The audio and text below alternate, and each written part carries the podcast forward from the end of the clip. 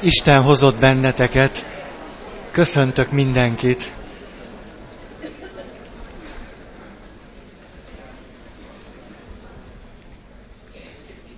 Még van egy-két...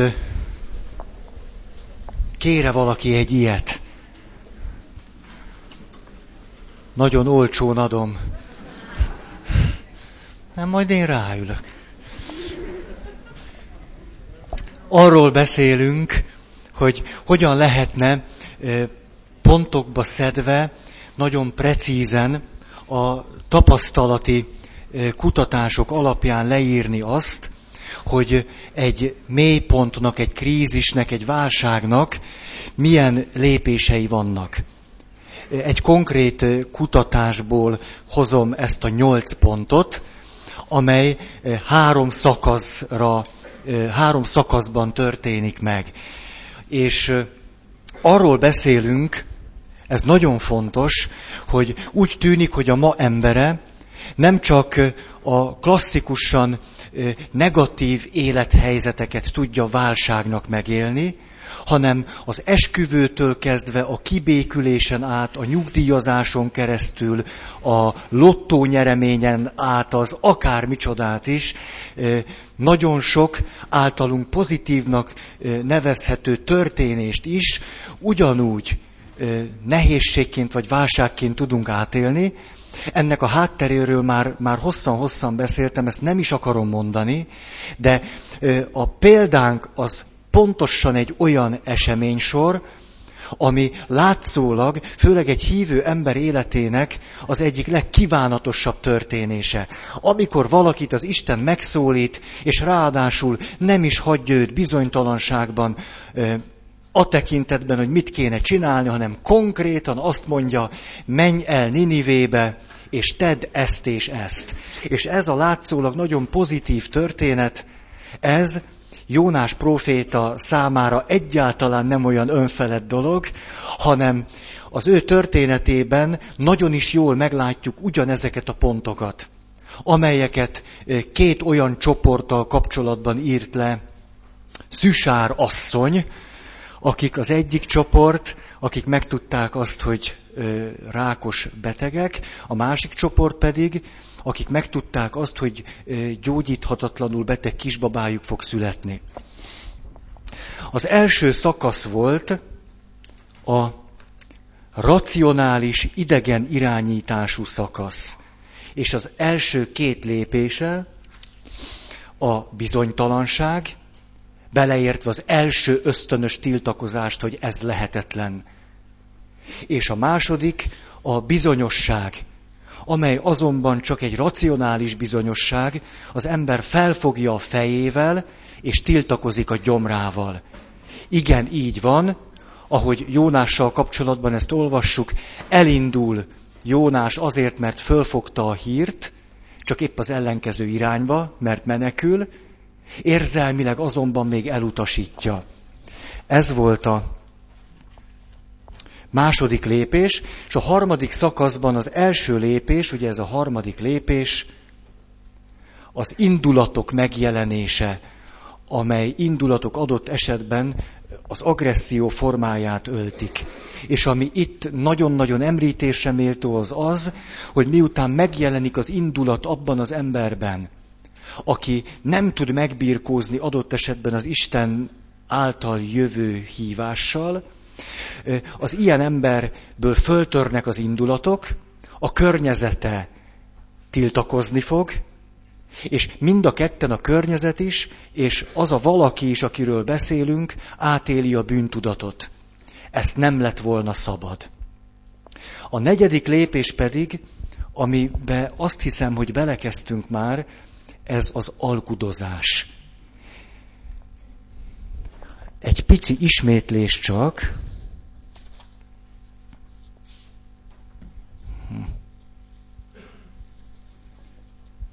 Ugye Jónás történetének a kulcsmondatait mondom.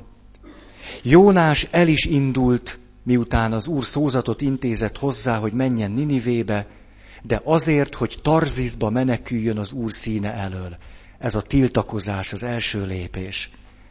Beszállt egy hajóba, hogy elmenjen a hajósokkal Tarzizba az úr színe elől. Majd pedig Jónás lement a hajó aljába, és mélyen elaludt. Ez a teljes hárítása az isteni hívásnak. Azután, miért alszol? Kelj föl és imádkozz Istenhez.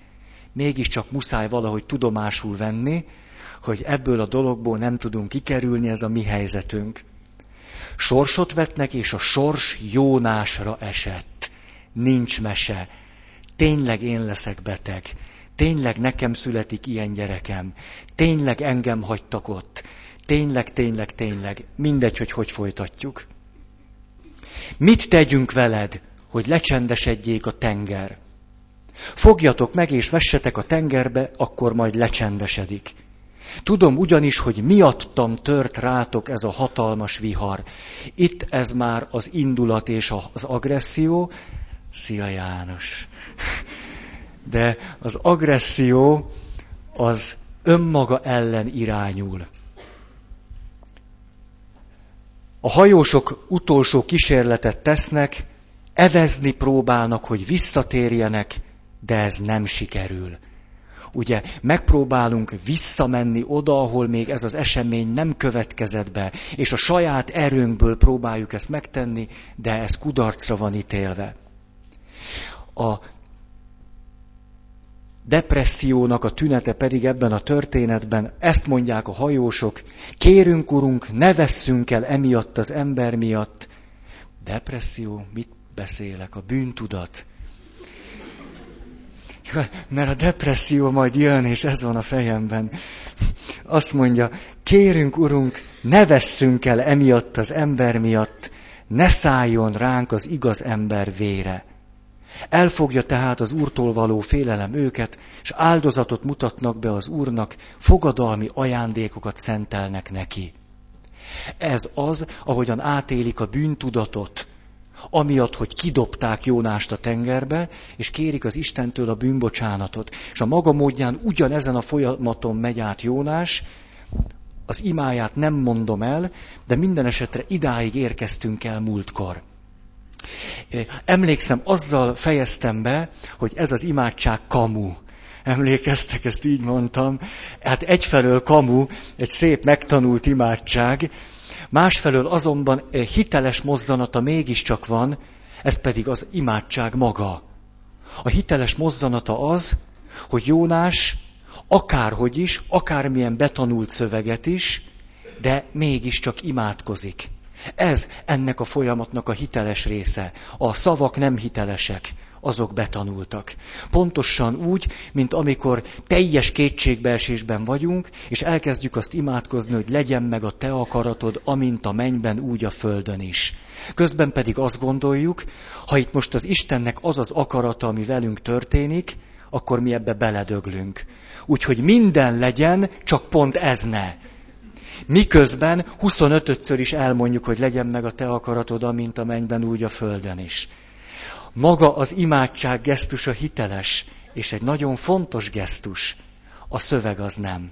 Jézus szájából igen, a mi szánkból ebben a pillanatban még nem. Idáig jutottunk el.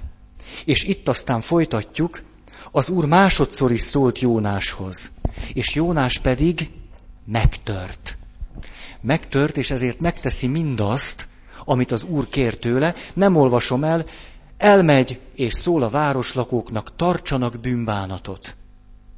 És ekkor a város Jónás nagy-nagy belső tiltakozása mellett valóban bűnbánatot tart. A harmadik fejezetnek az utolsó mondata, amikor Isten látta, hogy letérnek a gonosz útjaikról, megbánta a rosszat, amivel fenyegette őket, és nem tette meg. Most visszatérés a lépésekhez. A negyedik lépés az alkudozás. Beszéltem erről múltkor? Nem. Akkor mondom az elejéről. Ilyenkor elkezdünk alkudozni akárkivel.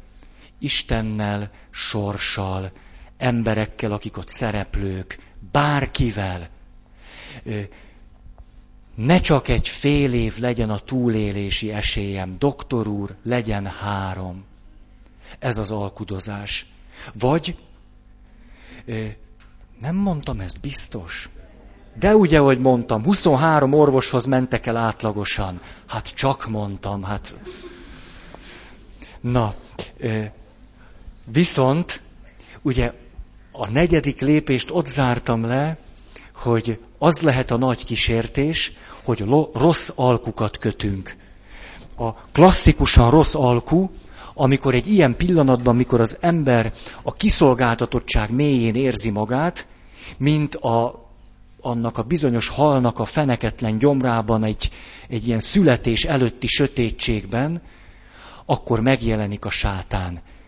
Ezt fölfoghatjuk természetesen jelképesen is. Jézus Krisztus megkísértésének a története egyértelműen egy ilyen pillanathoz kapcsolódik, amikor átéli a fizikai, szellemi, lelki mélypontot. És akkor megjelenik a sátán. Ezt sokféleképpen élhetjük meg. Van, aki arról számol be, hogy ő egy egészen személyes találkozást bonyolított le ilyenkor őkelmével, és ez a találkozás nem esett neki túl jól. Van, aki látszólag egy ilyen találkozásba teljesen bele is pusztul. Van olyan, aki, aki megköti az alkut. Épp moziban voltam, valamelyik nap, már olyan két hete körülbelül, most van egy új Red Bullos reklám. Jön a sátán, és alkut köt a mi kedves barátunkkal, és ő elszáll a Red Bull erejével, és ezért a sátánnak nem sikerül a szerződés papírját odaadni neki. Ez a valóságban sosem történik így. A valóságban azzal kezdődik, hogy be van ígérve a nyereség, és a papírt szépen aláírod. Természetesen aláírod. Ez most így nagyon elszálltnak tűnhet, ha még nem találkoztatok ők elmével. Aki találkozott már vele, az most, az most hallgat. Most én is hallgatok egy kicsit, viszont mondok egy olyan nagyon-nagyon egyszerű helyzetet, amikor, amikor egy ilyen pillanatban, most hagyjuk a sátánt, megkísért bennünket az, hogy kössünk egy rossz alkut. Ez például az, amikor elkezd derengeni nekünk egy nagy konfliktus után, hogy bizonyos dolgokban nem volt igazunk. Nem az okozza számunkra a mélypontot, hogy veszekedtünk, hogy ütköztünk, mert azt egész jól bírjuk. Egész jól esett üvölteni néhány perccel ezelőtt, és gátlástalanul kiadni magamból azt, ami bennem van. Ezt bírjuk. Amit nem bírunk, az az, amikor lehiggadunk, és rájövünk, hogy hülyeséget csináltunk. Ez a mélypont. És itt jön a kísértés. Csináld úgy továbbra is, mintha neked lett volna igazad, és a társad a béna. Ő tévedett, ő szúrta el. Ez az alkú. Alkut kötök magammal, hogy ezentúl úgy, fogom, úgy fogok erre a helyzetre nézni, hogy nekem volt igazam. Megkeresem a barátaimat, igazolják azt, hogy valóban nekem volt igazam. Elpanaszkodom ezt a történetet 25 ismerősömnek, akik bólogatnak nagyon, ha egyáltalán figyelnek még rám. És akkor én megerősödve azt tudom mondani, hogy na ugye, a többiek is azt mondták, ő a hunyó. Ez egy klasszikus alkú, amikor egy nehéz helyzetből úgy jövök ki, hogy rossz alkut kötök. Amit megnyerek, az az, hogy kitarthatok amellett nekem volt igazam, és te rontottad el. Az alkuban azonban elvesztek valami sokkal többet. Ezek a jelképes történetek, amikor az ember a sátánnal alkut köt, hihetetlen, precíz lélektani fölismerésektől hemzsegnek. Érdemes ezeket elolvasgatni, hogy mi történik ilyenkor az emberrel, és átvinni a saját személyes életünk egyszerű történeteire.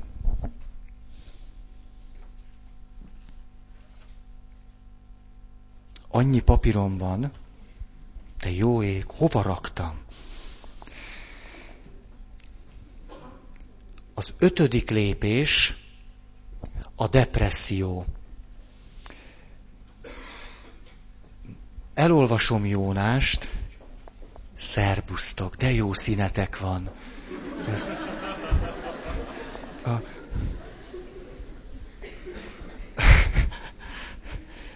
azt hiszem, ezt nem kellett volna mondani, mert most, most már rájöttem. Csak azt hittem, sielni voltatok, és azért. De... Ja, hegesztettél. Jó, akkor most megnyugodtam. Akkor nem én csináltam. Na, ugye azt olvassuk itt, hogy Jónáson nagy szomorúság vett erőt, és haragra gerjedt. Így imádkozott az Úrhoz. Uram, vajon nem megmondtam -e ezt már akkor, amikor még otthon voltam? Azért akartam Tarzizba menekülni, mert tudtam, hogy jóságos és irgalmas Isten vagy. Türelmes és könyörületes, aki megbánja a rosszat. Most azonban vedd el tőlem az életem, mert jobb nekem a halál, mint az élet. Ha keresnénk kellene a Szentírásból egy pillanatot, ahol valaki depressziós, akkor Jónás az.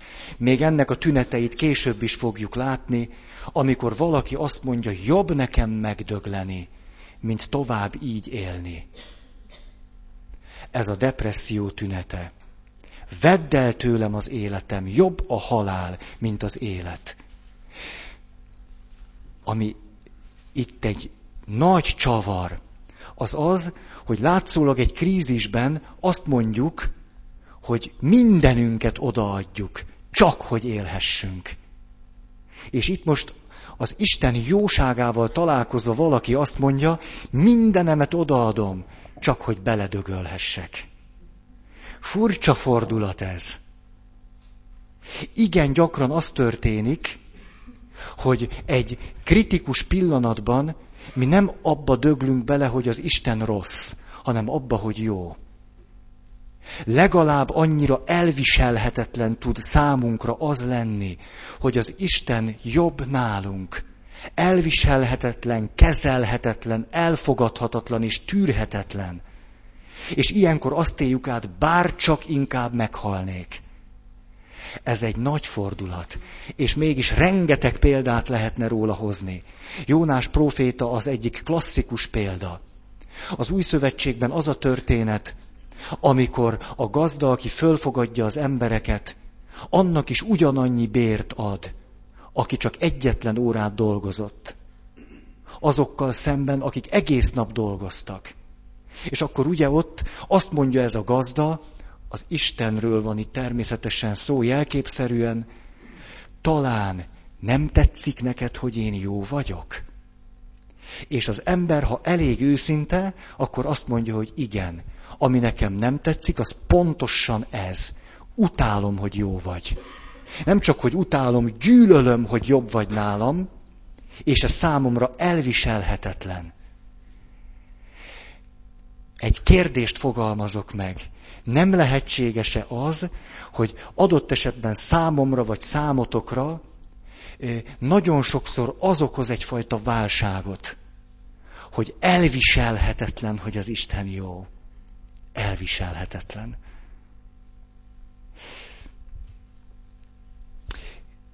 Nietzsche átélte ezt a kalandot, hogy milyen az, amikor valaki kiélezi, hogy elviselhetetlen, ha az Isten jó. Hadd olvassok föl néhány sort az Ecce Homo című művéből. Mazsolázgatok. A felebaráti szeretet gyöngeség. Az ingerekkel szembeni ellenálló képtelenség egyedi esete. A részvét csak a dekadensek számára erény.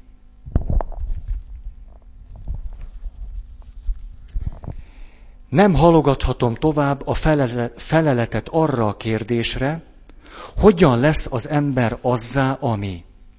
és ezzel elérkeztem az önmegtartás, az önzés művészetének remek művéhez.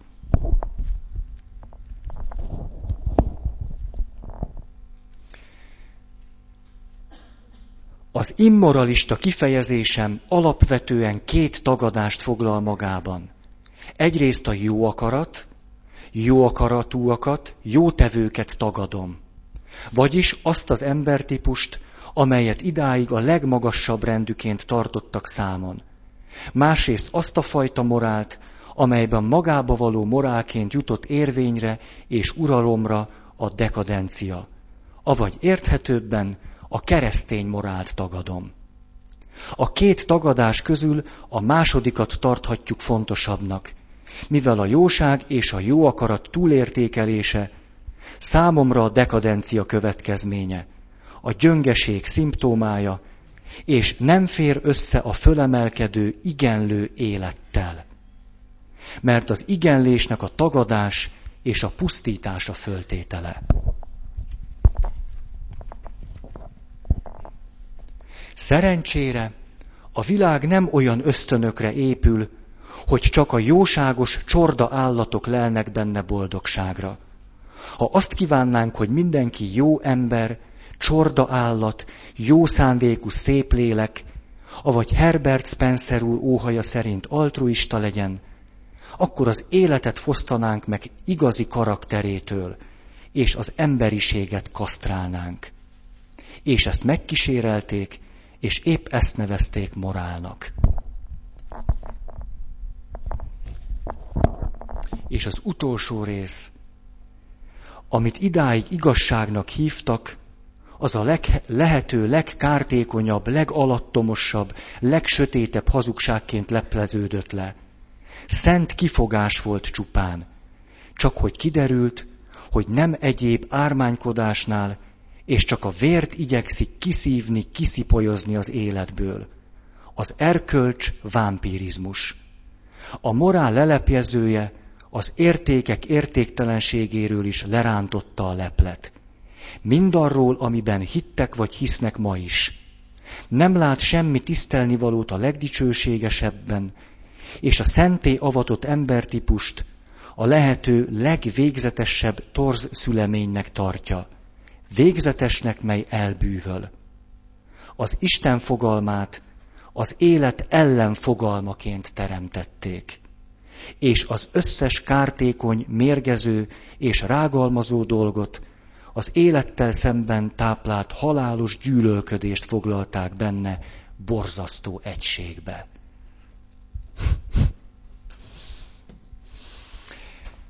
Ez Nietzsche, akiről Thomas Mann azt mondta, az európai történet Nietzsche élettörténetének utánérzete. Csak így. Egyébként, ami nagy mesterünk, Thomas Mann azt is mondta, hogy ha négy utálatos dolgot kellene felsorolni, akkor az a csótány lenne, a dohányfüst, a fokhagyma és a kereszt. Ez csak azért, hogy mennyire nem áll tőlünk távol az a kultúra, amelyben a, az Isten, aki jó, nem úgy, ahogy mi, hanem egészen másképpen, a vele való találkozás okoz számunkra egy szívünk mélyéig való megrendülést mi másról szól Jónás története, mint pont erről. Olvasom tovább. Azt hiszed, kérdi Isten, jogos a haragod? Ez nagyon szép, az Isten ilyen terapeutának bizonyul, mert nem azt mondja, hogy te haragszol, irgumburgum, majd adok én neked, megtanítalak én kesztyűbe dudálni, hanem egy ilyen terapikus kérdést tesz föl, hogy Gondolod, hogy ez jogos? Erre Jónás kimegy a városból, és leül a várostól keletre. Csinált magának egy sátort, és annak árnyékában ülve figyelte, mi fog történni a várossal. Ő mossa kezeit. Az úr parancsára egy ricinus bokor nőtt Jónás fölé, árnyékot vetett a feje fölé, és megvédte a rosszul léttől. Jónás megörült a ricinusnak. Másnap hajnalban azonban az úr egy férget rendelt oda. A féreg megrágta a ricinust úgy, hogy kiszáradt. Amikor aztán fölkelt a nap, az úr forró keleti szelet támasztott, és a nap is hevesen tűzött Jónásra. Olyan rosszul lett, hogy a halált kívánta magának. És akkor itt jön a refrén. Jobb nekem a halál, mint az élet. Ekkor az Isten így szólt Jónáshoz. Azt hiszed jogos a haragod a ricinus bukor miatt? Azt felelte, igen, jogosan haragszom egészen a halálig.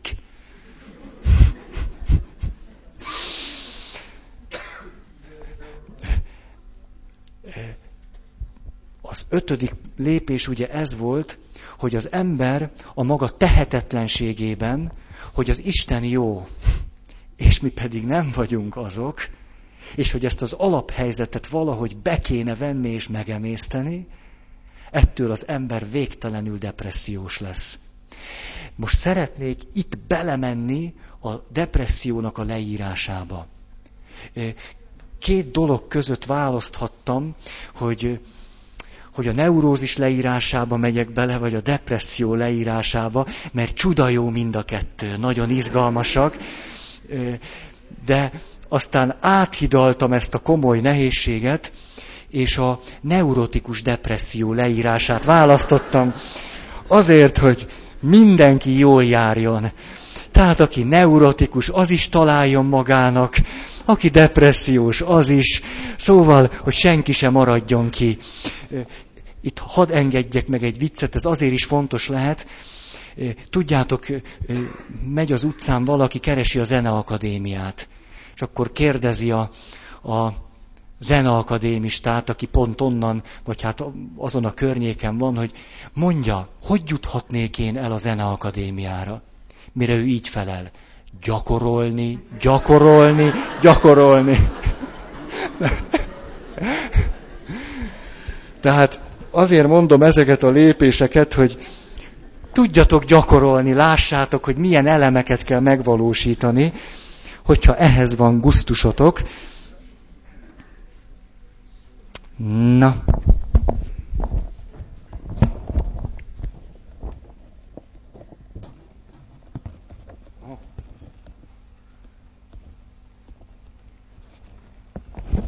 Ja, ott van jobbra, miért nem szóltok?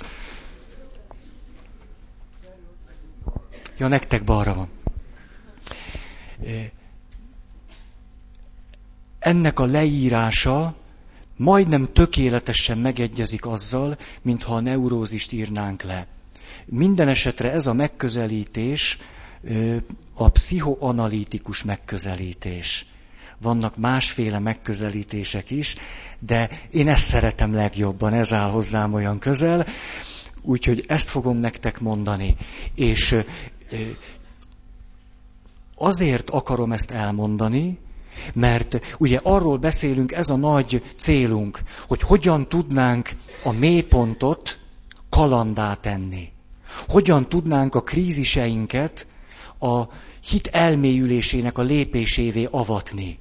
Hogyan tudnánk ünnepélyé tenni azt, amikor teljesen ki vagyunk purcanva. Ugye ez a cél.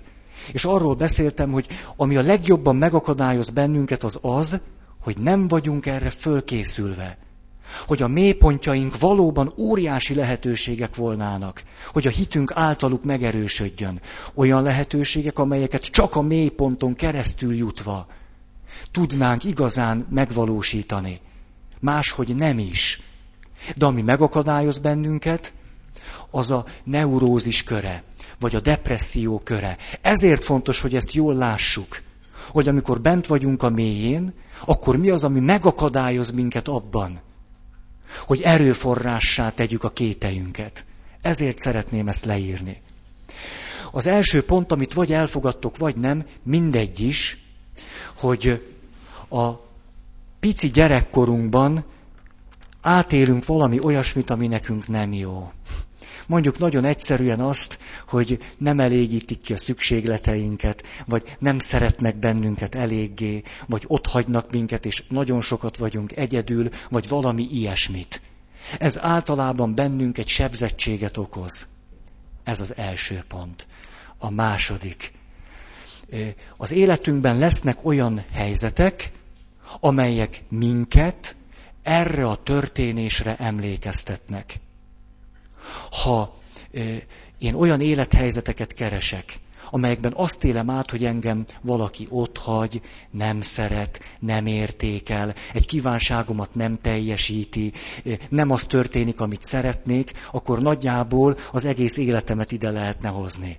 Tehát nem olyan nehéz olyan élethelyzeteket találni, mikor én azt élem át, hogy a világtól nem pont azt kapom, amiért éppen bömbölök.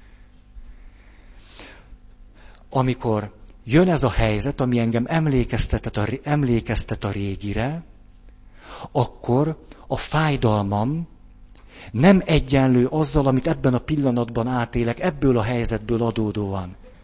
Tehát te azt mondtad, hogy szerintem nem moziba menjünk, hanem színházba. És ettől én padlót fogok.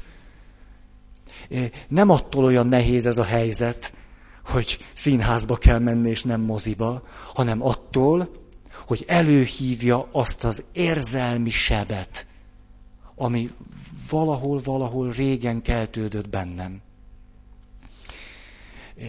Egy házaspárral beszélgettem, azt kérdeztem tőlük, hogy mondjanak egy-két olyan, olyan példát, ami számukra a legnagyobb megerősítést jelenti a kapcsolatukban nagyon kemény asszony, nagyon kőkemény.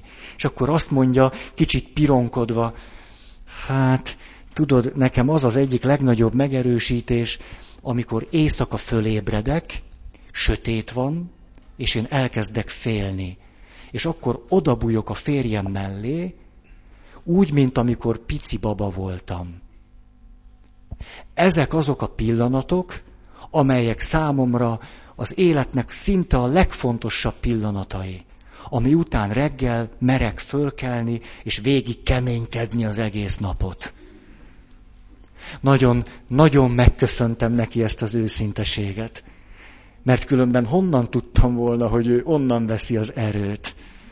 És akkor azt mondta, és a férjemnek nagyon hálás vagyok ezért, mert mióta 30 valahány éve házasok, amióta házasok vagyunk, és én amikor úgy oda, oda bújok hozzá, mint egy ilyen kis hülye valaki, akkor nagyon sokszor ő persze fölébred.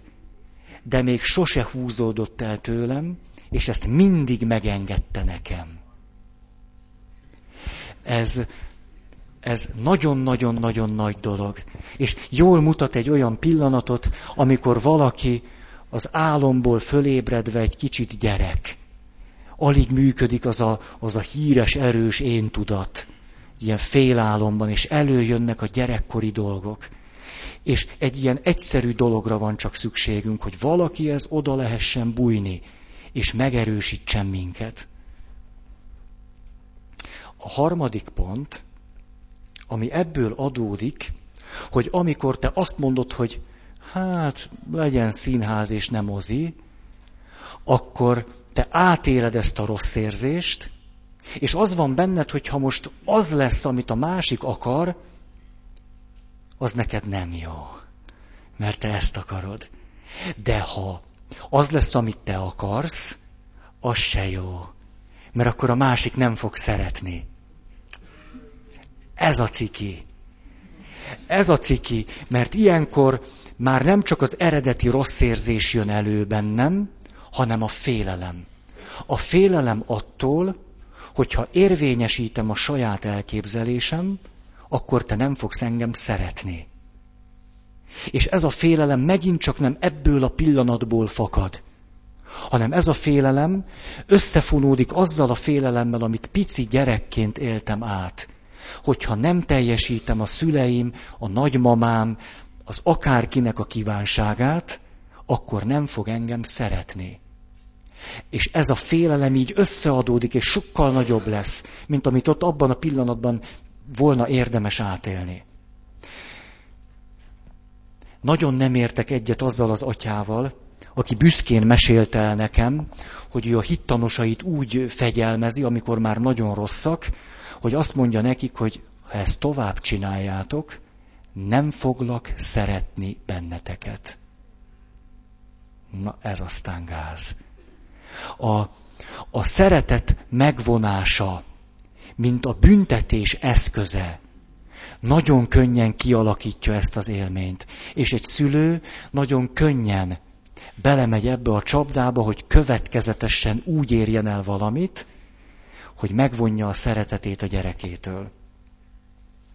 A negyedik, ha én azt élem át, hogy nem érvényesíthetem magam, mert akkor nem fogsz szeretni, akkor belém szakadnak az indulataim.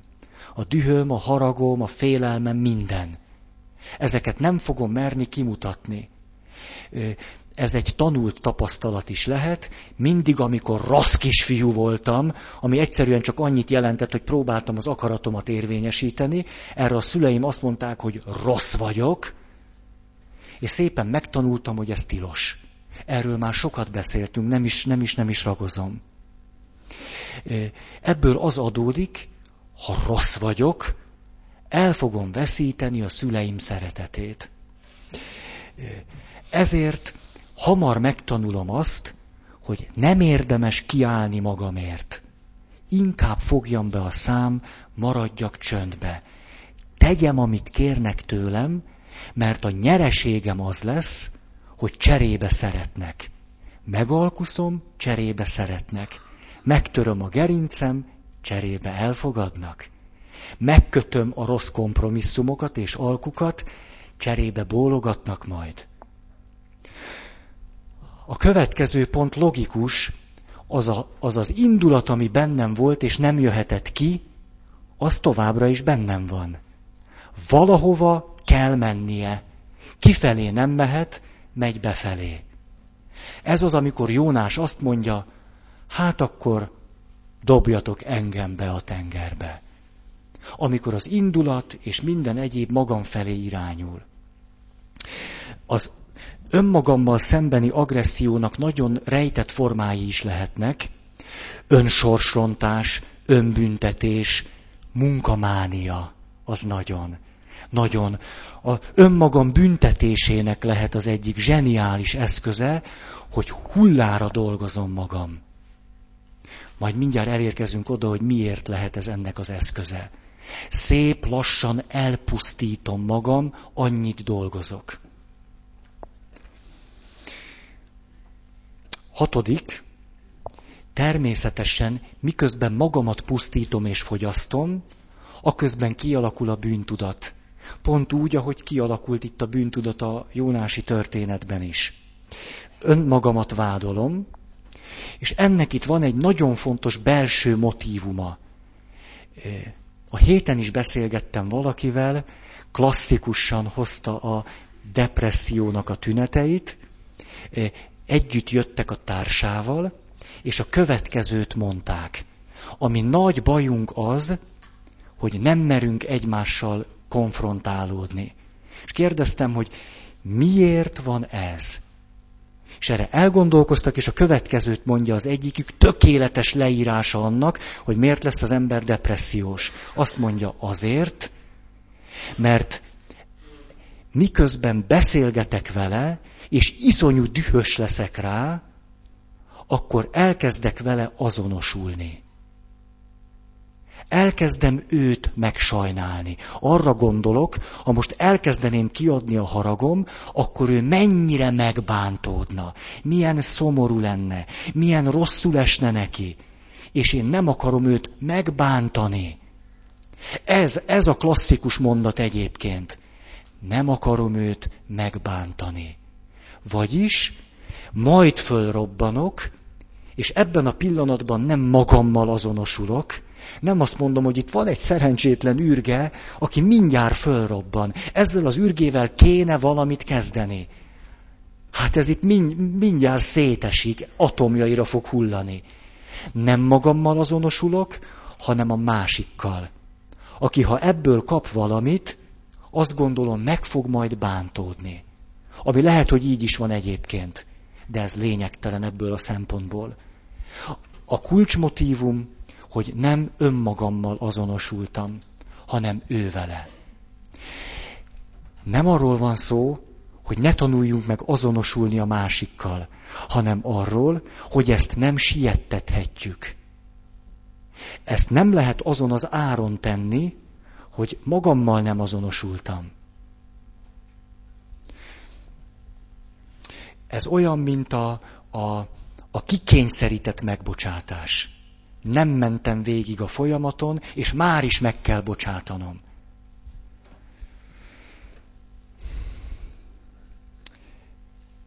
A hetedik pont, ezután mi történhet? Rezignált leszek. Ez az, amikor átélem azt, hogy na most kerültem végérvényesen csapdába. Már megmukkanni sem tudok, mert az tilos, azonosultam a másikkal, de közben teljesen lehetetlen helyzetbe sodortam magam. Itt szoktak beerősíteni ilyen utolsó erőforrásként a keresztény erények. Vagyis ilyenkor mondom azt magamnak, nem baj, bele kell dögleni. Nem baj, szép halálom lesz, így kell végigcsinálni, áldozatot kell hozni. Inkább én dögöljek meg, mint ő. Ugye Tegnap beszélgettem valakivel, a következőt mondta. Volt egy konfliktus a valakivel, ahol nem adta ki a haragját. Nem arról van szó, hogy üvöltözni kell. Adott esetben csak annyit mondani, hogy te most amit mondasz, ettől én olyan dühös lettem, mint a csuda. Ez egy nagyon jó kifejezés ennek. De ő semmi ilyesmit nem mondott, lerakta a telefont. És akkor elindult benne az erő. Az ismerős, nem? Becsuktad az ajtót, megalázottság után, nem szóltál vissza, és és így megy föl valami. Szinte érzed, ahogy jön fölfelé. És erre a következőt mondja. Tudod, eltelt néhány perc, keset, kezdett leesni a tantusz, hogy velem mi történt, hogy nekem ordítanom kellett volna, és elértem egy pontot, mikor azt mondtam, hogy na tudod mit, persze maga, magával beszélgetett, tudod mit? Majd hülye leszek én beledögleni, dögölj meg te. Na ez az a pont, ahol valakiben, ha van elég életerő, akkor azt mondja, hogy tudod mit, inkább te dögölj meg, ne én. És ez a mondat nem olyan rossz mondat, amennyiben csak bennem játszódik le. És nem váltom tettekké. Óvakodjunk ennek a realizálásától. Viszont, e, ha megengedem magamnak ezt a mondatot, hogy inkább mint hogy én, ezzel, ezzel nagyon sok mindent ki tudok magam, magamból adni. Ha egyáltalán ezt gondolati szinten megengedem. Nagyon érdekes volt, eljött hozzám ez a valaki, mert közben elteltek hetek, és belepörgött ebbe a dologba. Teljesen belezáródott, már gyűlölte az illetőt. Ugye ez a rossz kör és egy órán keresztül úgy beszélt, hogy meg se bírtam mukkanni. Ne, nem, hogy annyit mondani, hogy bí vagy bá. Mondtam is neki az indulataimat, elmondtam a végén. Úgy fogalmaztam ezt meg, hogy az egészséges személyiség tudatos, akaratlagos, szabad döntéssel mond le magáról. A depresszív személyiség azonban nem. Ő kényszerből. Ő azt gondolja, hogy ebben a helyzetben nincs mit tenni, mint beledögleni. Az a valaki, aki tudja önmagát érvényesíteni, az azt mondja, választhatok a között, hogy beledöglök, és a között, hogy nem. És adott esetben választhatja, hogy beledöglik. Az úgy már jó. A nyolcadik pont, a főhősünk azt választotta, hogy inkább ő döglik bele. De nem tudatosan, hanem eljutott oda, hogy ezzel nem lehet semmit sem csinálni. Ilyenkor azt mondja magának, most kiderült, hogy nem vagyok képes egyedül megállni a lábamon. Reménytelen. Ezt a helyzetet sem tudom megoldani, és ebből az adódik, hogy én az életemet nem tudom megoldani. Én egy reménytelen eset vagyok. A neurózisnak szokott egy klasszikus jellemzője lenni az, hogy az illető ettől a pillanattól kezdve keresi is ezeket a helyzeteket. Amikor újból és újból megerősödik abban, hogy ő tényleg egy reménytelen eset. Másnap főhősünk fölébred, és egy picit, egy picit jobbnak tűnik a világ. Nőtt a feje fölé egy ricinus bokor. Ez az össz, össz valami, amitől érdemes elkezdeni a következő napot, ez úgy szokott kinézni nálunk, hogy mégiscsak elmenjünk dolgozni, vagy hajlandók vagyunk mégiscsak bemenni az egyetemre, azzal a kényszerrel, hogy mégiscsak muszáj. A, a depresszív embernek az alapélménye, hogy muszáj, és hogy kell. Ez a kettő, és a kettő között pendlizik. Muszáj és kell. Azért éli ezt át, mert természetesen meg kell felelnie a környezetének. Muszáj, hogy őt elfogadják, mert akkor kapja csak meg azt a minimális elismerést, ami az ő kiinduló pontja volt, hogy éppen attól döglik meg, hogy nem kapja meg a minimális elismerést. Itt most megállnék megint. A világ nem sokat változott, csak átalakult. Arra gondolok itt, hogy sok évszázadon keresztül a keresztény ember efféle teljesítmény kényszere vallásos és erkölcsi jellegű volt. Vagyis ilyenkor mindent elkövettünk, hogy vallásilag és erkölcsileg elismerést szerezzünk az egyházunk, a pap, vagy akárkinek a részéről. Aztán Nietzsche ennek az egyik klasszikus alakja, föllázadtunk. Azt gondoltuk, hogy ennek a teljesítmény kényszernek az igazi kulcsfigurája Isten, ahogyan erről Nietzsche beszél.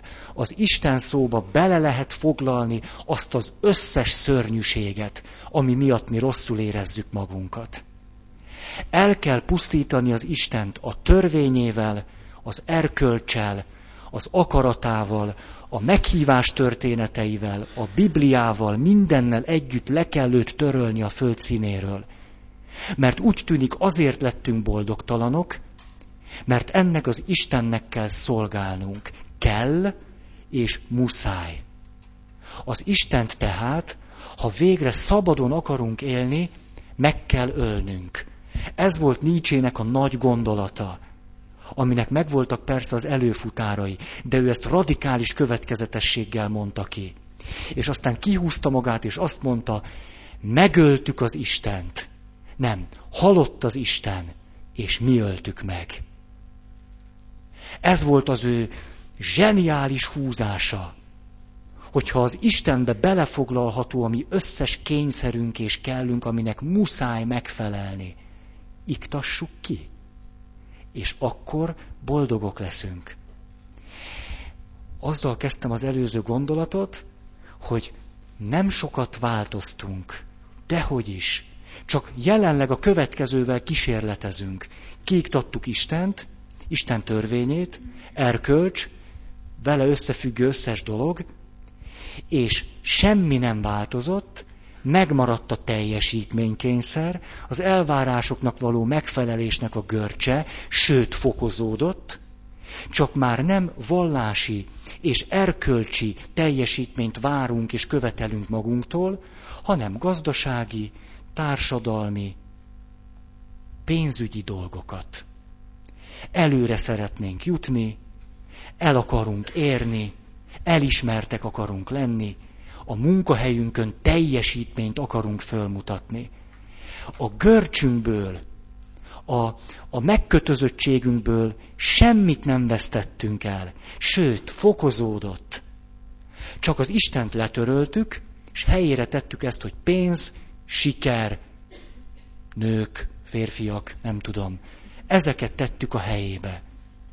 És ugyanolyan görcsösek vagyunk, sőt, még sokkal rosszabbul vagyunk. Egy németországi fölmérést olvastam, ott azt mondják, minden ötödik német állampolgár olyan súlyos depressziós lesz élete során valamikor, hogy orvosi kezelésre van szüksége. Ez a mi kultúránkban van csak így, ugyanis afrikai és ázsiai nyelvekben, nagyon sok nyelvben ilyen szó, hogy depresszió nincs is. Tehát annak az érzelmi állapotnak, vagy, vagy lelki állapotnak a leírására, amit mi így hívunk, hogy depresszió, még csak szó sincs. Ez a...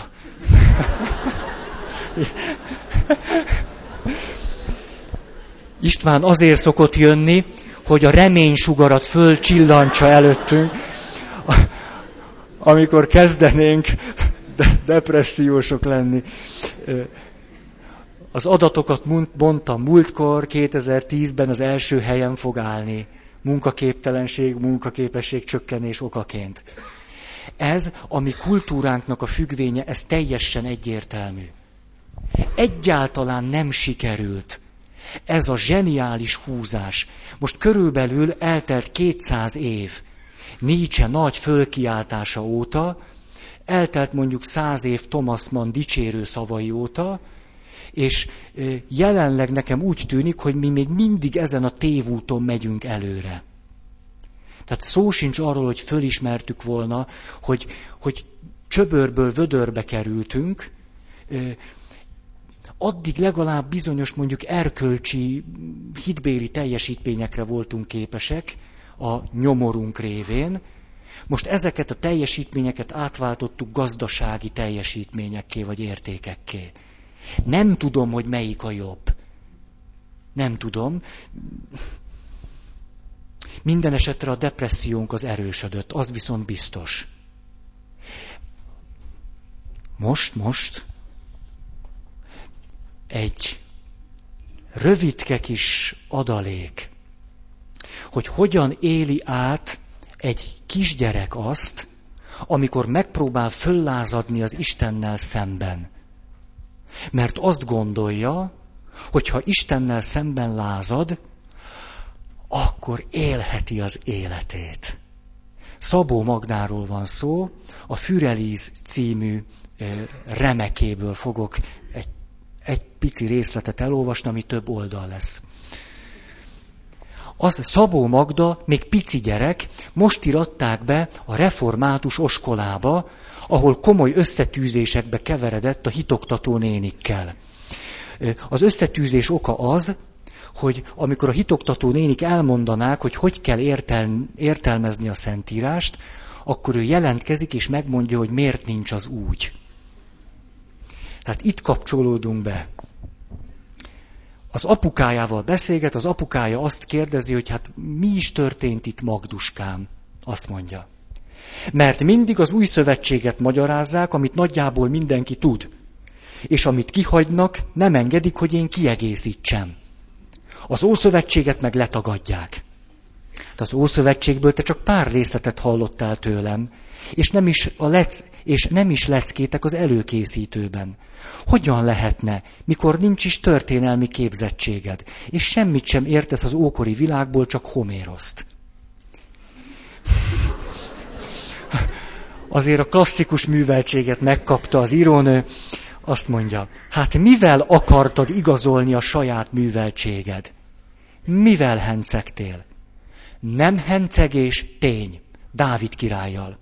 Mondtam, hogy pucéron menekült, és közben szóltak a harsonák, hogy megnyerte a csatát. És ő csak ment dalolva, anya szült mesztelenül Jeruzsálembe templomot építeni. Nem én voltam pucér, hanem Dávid király. Nagy csönd lett. Súlyra lehetett volna mérni. Sokáig nem történt semmi, aztán nagyot dobbant a szívem. Apám elnevette magát. Nem rossz nevetés volt, hanem rövid, vidám, jó nevetés. Ez megijesztett, mert nem értettem az okát. Szegények, mondta apám, és változatlanul derűs volt a hangja. Jaj, szegény hölgyek, mivel riogattad még a szívüket? Hát Uriással. Miért? Nem volt aljasság, amit csinált? Dávidnak tetszett Uriásné, és erre elzavarja Uriást a biztos halálba, hogy elvihesse a feleségét. Ki tesz ilyet? Mi meg énekeljük a zsoltárait. Még mit kértél számon azoktól a szerencsétlenektől? Hát izsákot. Mit képzelt a jóisten, igaz dolog volt ez? Ha nem jön akkor az a valami, ha nem küldi el a kosot, akkor Ábrahám megöli a gyerekét, gyönyörű. Kost. Hallottam a sötétben a kék hangot. Kost, nem kosot. Hát akkor kost, nem kosot. De meddig várt vele, és ijesztgette Ábrahámot. Hát jutna magának eszébe, hogy engem levágjon? Mert különben megharagszik a főispán. Dehogy vágna engem le, eldugna, a főispán tölné meg. Magdolna elég, mondta a kék hang a csöndben, iszonyukat beszélsz. De igazat? Lót se tetszett nekik, pedig milyen jó történet, hogy élvezte a csoport. Akkor persze sarokba állítottak, pedig csak azt akartam elmondani, mi volt Szodomában, mennyi izgalom.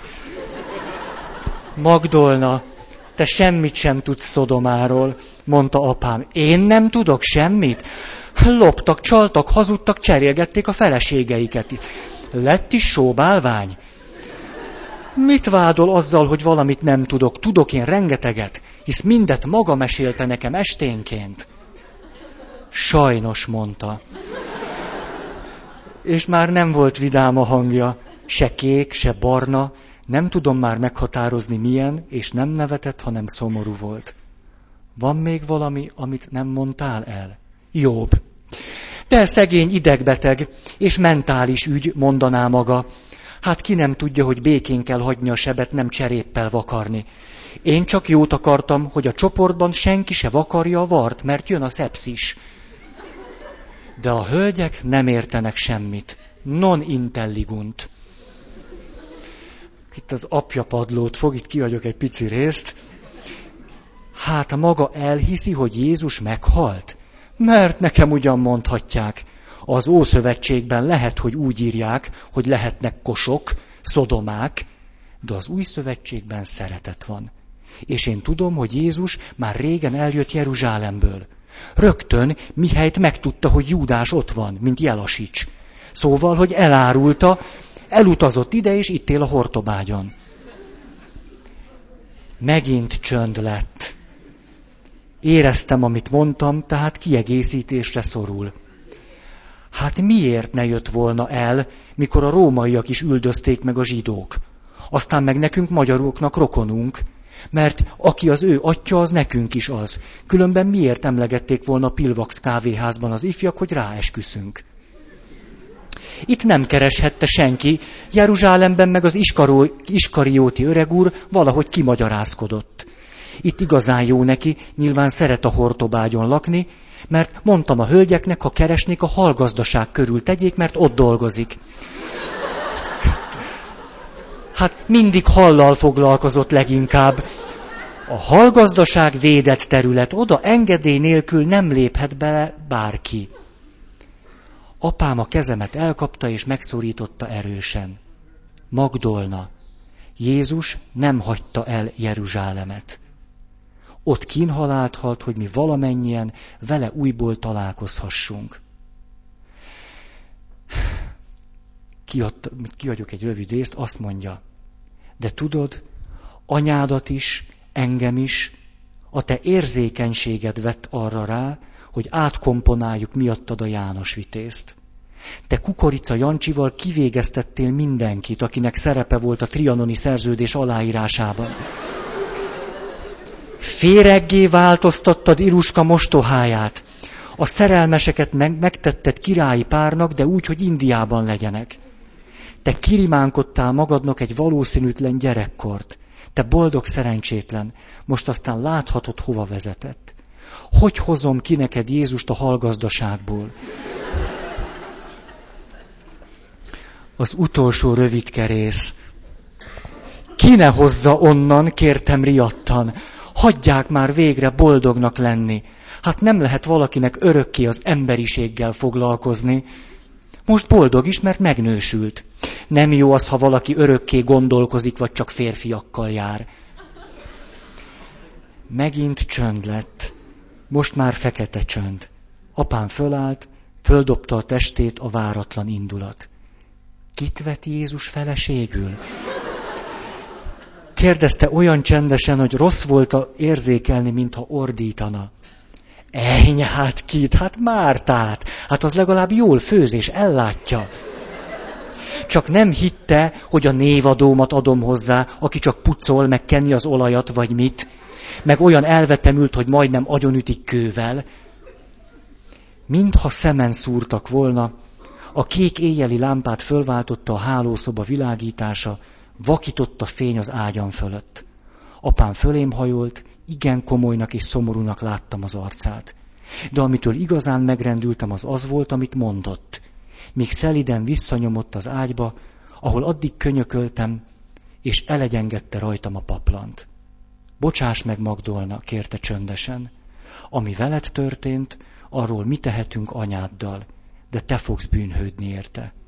Már bűnhődsz is. És ha teljesen meg nem változol, és abba nem hagyod, hogy fazonra szabod a mesét, történetet, filozófiát, történelmet úgy, hogy tessék neked, nagyon ráfizetsz egyszer. A világ válaszolni fog átírásaidra, és nem tűri, hogy nagy igazságait átkomponálják. Úgy megsérülhetsz, ha a föld ütéssel felel a legendáidra, hogy belebénulsz, mint azok a szegények Isonzónál, Doberdónál. Nincs több átdolgozás, lányom, minden úgy érvényes, ahogy az iskolában tanítják. A Biblia legfőképpen. Életemben először tiltok meg neked valamit, de míg a nevelőit kezedbe nem adják, nem olvashatod a Bibliát.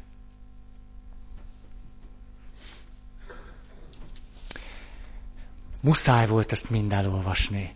Egyszerűen muszáj. Azért, mert egyrészt benne van az, amikor valakinek megtörik a gerincét. Mikor megtörik a gerincét, és nem kap hiteles válaszokat arra, hogy miért jogos a fölháborodása akkor, amikor kezdene benne kialakulni egy olyan Isten képe, aki csak úgy ukmukfuk meg akarja ölni Izsákot.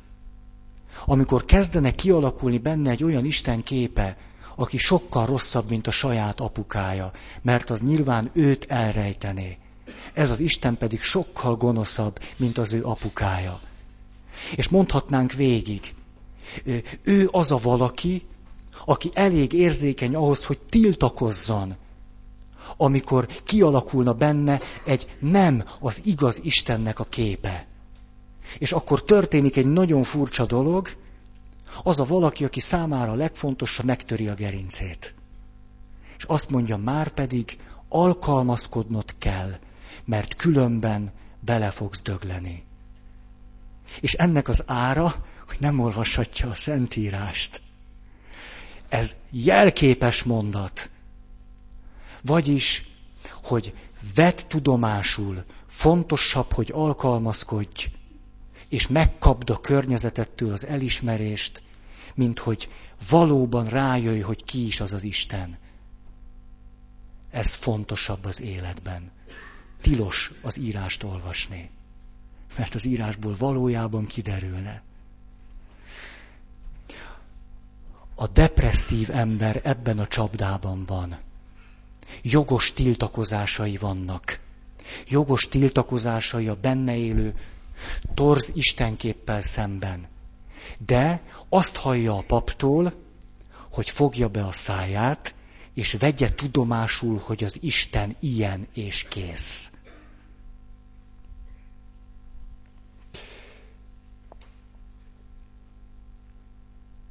A tizedik pont, ugye a kilenc az volt, hogy teljesítmény és megfelelés kényszer. A tizedik, negatív én beszélgetések és én megítélés. Ilyenkor elvesztjük már a realitás érzékünket. Nem tudjuk sem magunkat, sem a helyzetet reálisan fölmérni, hanem folyamatosan arról beszélünk, hogy mi egy nyomorult, szerencsétlen alakok vagyunk. Ahogyan az apja szépen megadta Szabó Magdának azt, hogy mit is gondoljon akkor, amikor majd konfrontálódik a világgal. Szerencsétlen és nyomorult leszel. Úgy belekoldulsz, vagy úgy bele nem tudom én mi, hogy attól koldulsz. És a kis Magdának majd eszébe juthat felnőttként egy ilyen helyzetben. Ja, hát apám is megmondta. Most koldulok attól, mint annak a rendje. Az történik ilyenkor, hogy adott esetben, amikor valaki csak annyit mond a kis Magdának, hogy te figyelj, hogyha itt a munkahelyen te továbbra is ezt és ezt csinálod, akkor ebből neked nagyon-nagyon nagy nehézségeid lesznek. Erre a kis Magdának eszébe jut ez a történet az apjával. És a következőt fog mondani, fog, következőt fogja magának mondani.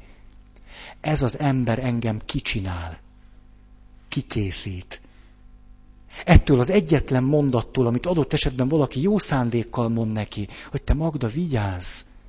Hát ha itt vagy 45 évesen, vagy 52 évesen, hát te nem ugrálhatsz. Hát kiraknak, aztán nem kapsz munkát. És ő itt nagyon rosszul fogja érezni magát. Nem úgy, ahogyan az pusztán csak a helyzetből adódna. Ilyenkor már, miután a realitás érzékünket elvesztettük, az eseményeket, a mondatokat, a másik embert is mindig magunkra vonatkoztatjuk. A szavaikat ítéletként értelmezzük. A tizedik, tizenegyedik, jön a tanult tehetetlenség. Vagyis már vissza tudunk emlékezni arra, hogy ennek így kell lenni. Adler a következőt mondta, minden ember, aki ebben a körben van, elindul, hogy megkeresse a maga pofonját. Ez történik. Futunk a pofonunk után. 12. Jön a magány. A magány amit Jónás próféta is átél. Teljesen egyedül van, leül, jó messze a várostól, nézi az embereket, ahol még van valami élet, és teljes magányba zárkózik. A másik ember a sértés és a kritika forrása, vagy pedig az elviselhetetlen elvárásoké. Ezért menekülni kell a másik embertől, mert a jó szándékú mondata is seben, seben talál. Nem sebet okoz, seben talál. Vagy pedig úgy áll előttem, hogy muszáj megfelelni neki. És természetesen mindent elborít, keresztül kasul a kisebb rendűségi érzés. Így sokszorosan az ember magába záródik és egyszerűen nem tud belőle kijönni. Teljesen tehetetlenné válik. Ez az, amit átélhetünk egy téves Istenképpel kapcsolatban is. Hogy az Isten ezeknek az elviselhetetlen elvárásainknak a jelképe. És akkor akarunk is hinni, nem is akarunk. Ha hiszünk, akkor az a félelem erősítik föl bennünk, hogy elviselhetetlen elvárásoknak kell majd megfelelni. Ezért nem nagyon akarunk hinni. De hogy távolodunk tőle, úgy meg kezdjük keveselni azt az elismerést, amire meg az Istentől nekünk szükségünk volna. Akkor visszamegyünk, és e között, e között mozgunk. És néha azt gondoljuk, hogy de jó lenne már ezt befejezni de jó lenne. Egy kisgyereknek a bölcsességét hagy mondjam. A következőt kérdeztem vasárnap a misén tőlük, hogy mondjátok csak, mit mondanátok akkor, nem mondtam nekik, hogy egy depressziós emberrel találkoztok, de ezt a történetet mondtam el. Hogy találkoznátok egy kislányjal, aki egyedül ücsörög a szobáján, iszonyatosan el van keseredve, mert azt gondolja, hogy valamit végérvényesen, iszonyatosan eltolt. És hogy annyira szégyenli magát, hogy ő még bocsánatot merni sem képes az Istentől, mert még előle is rejtőzködik, és nagyon-nagyon szégyelli magát. És azt gondolja, hogy, hogy nincs az a legkisebb tett, amivel kiérdemelhetni az Isten megbocsátását. Kérdeztem tőlük, na mondjátok, mit mondanátok ennek a kislánynak? És akkor egymás után mondták a jó kis neurotizáló válaszokat. Hogy azt mondja az egyik, hát oda mennék hozzá, és azt mondanám, hogy tegye jóvá. Ugye, jó, jó, adjunk még neki egyet. Mondom neki, de hát ahhoz sincs ereje, hogy fölkeljen, nem, hogy jóvá tegye. Hát akkor azt mondanám neki, hogy keljen föl, menjen el gyónni. De hát ez nem bír fölkelni. Hát épp, hogy fél az Istentől. Hát az van benne, hogy ő nem méltó arra, hogy az Isten neki megbocsásson, mert olyan nagy gazemberséget követett el. Ez nem járható út. Na, mondják egymás után ezeket a válaszokat. Mondom nekik, nem, nem, ez a kislány még mindig nagyon szomorú. Mit kellene csinálni? És erre egy tíz éves kislány olyat mondott, hogy befejeztem a, a misét. Szóval komolyan, komolyan azt a részem, mondom, hiszek egy Istenben, mindenható atyában, ennyi jött ki belőlem. Azt mondja ilyen halálosan komolyan. Rámutatnék neki a keresztre, és azt mondanám, neked semmit sem kell csinálni ahhoz, hogy Isten neked megbocsásson. Mert látod, Jézus már meghalt érted. Pont. Ö, hiszek egy Istenben mind. Hát ebben az Istenben hiszek. Amikor ott ülök a szobám közepén, és, és azt gondolom, hogy nekem még itt most valamit kéne csinálnom ahhoz, hogy az Isten megbocsásson. És tudjátok, nem kell az égvilágon semmit se, még bocsánatot sem kell kérni ahhoz, hogy tudhassam azt, hogy a Szentírás mondja, mert a Szentírás fölháborító, mert az van benne, Istennél már kész a bocsánat.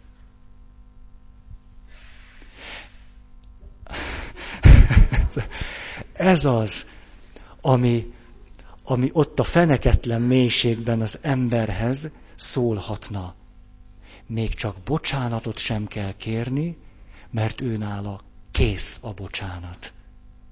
Már elkészült. Ez a kisgyerek olyan zseniális, hogy bár csak a felnőttek ezt tudnák, meg ő tudná majd, ha fölnő. Ha, ha, ha nem törik agyon a gerincét, még csak tíz éves, még, még elmagyarázhatják neki, hogy ez miért nincs így.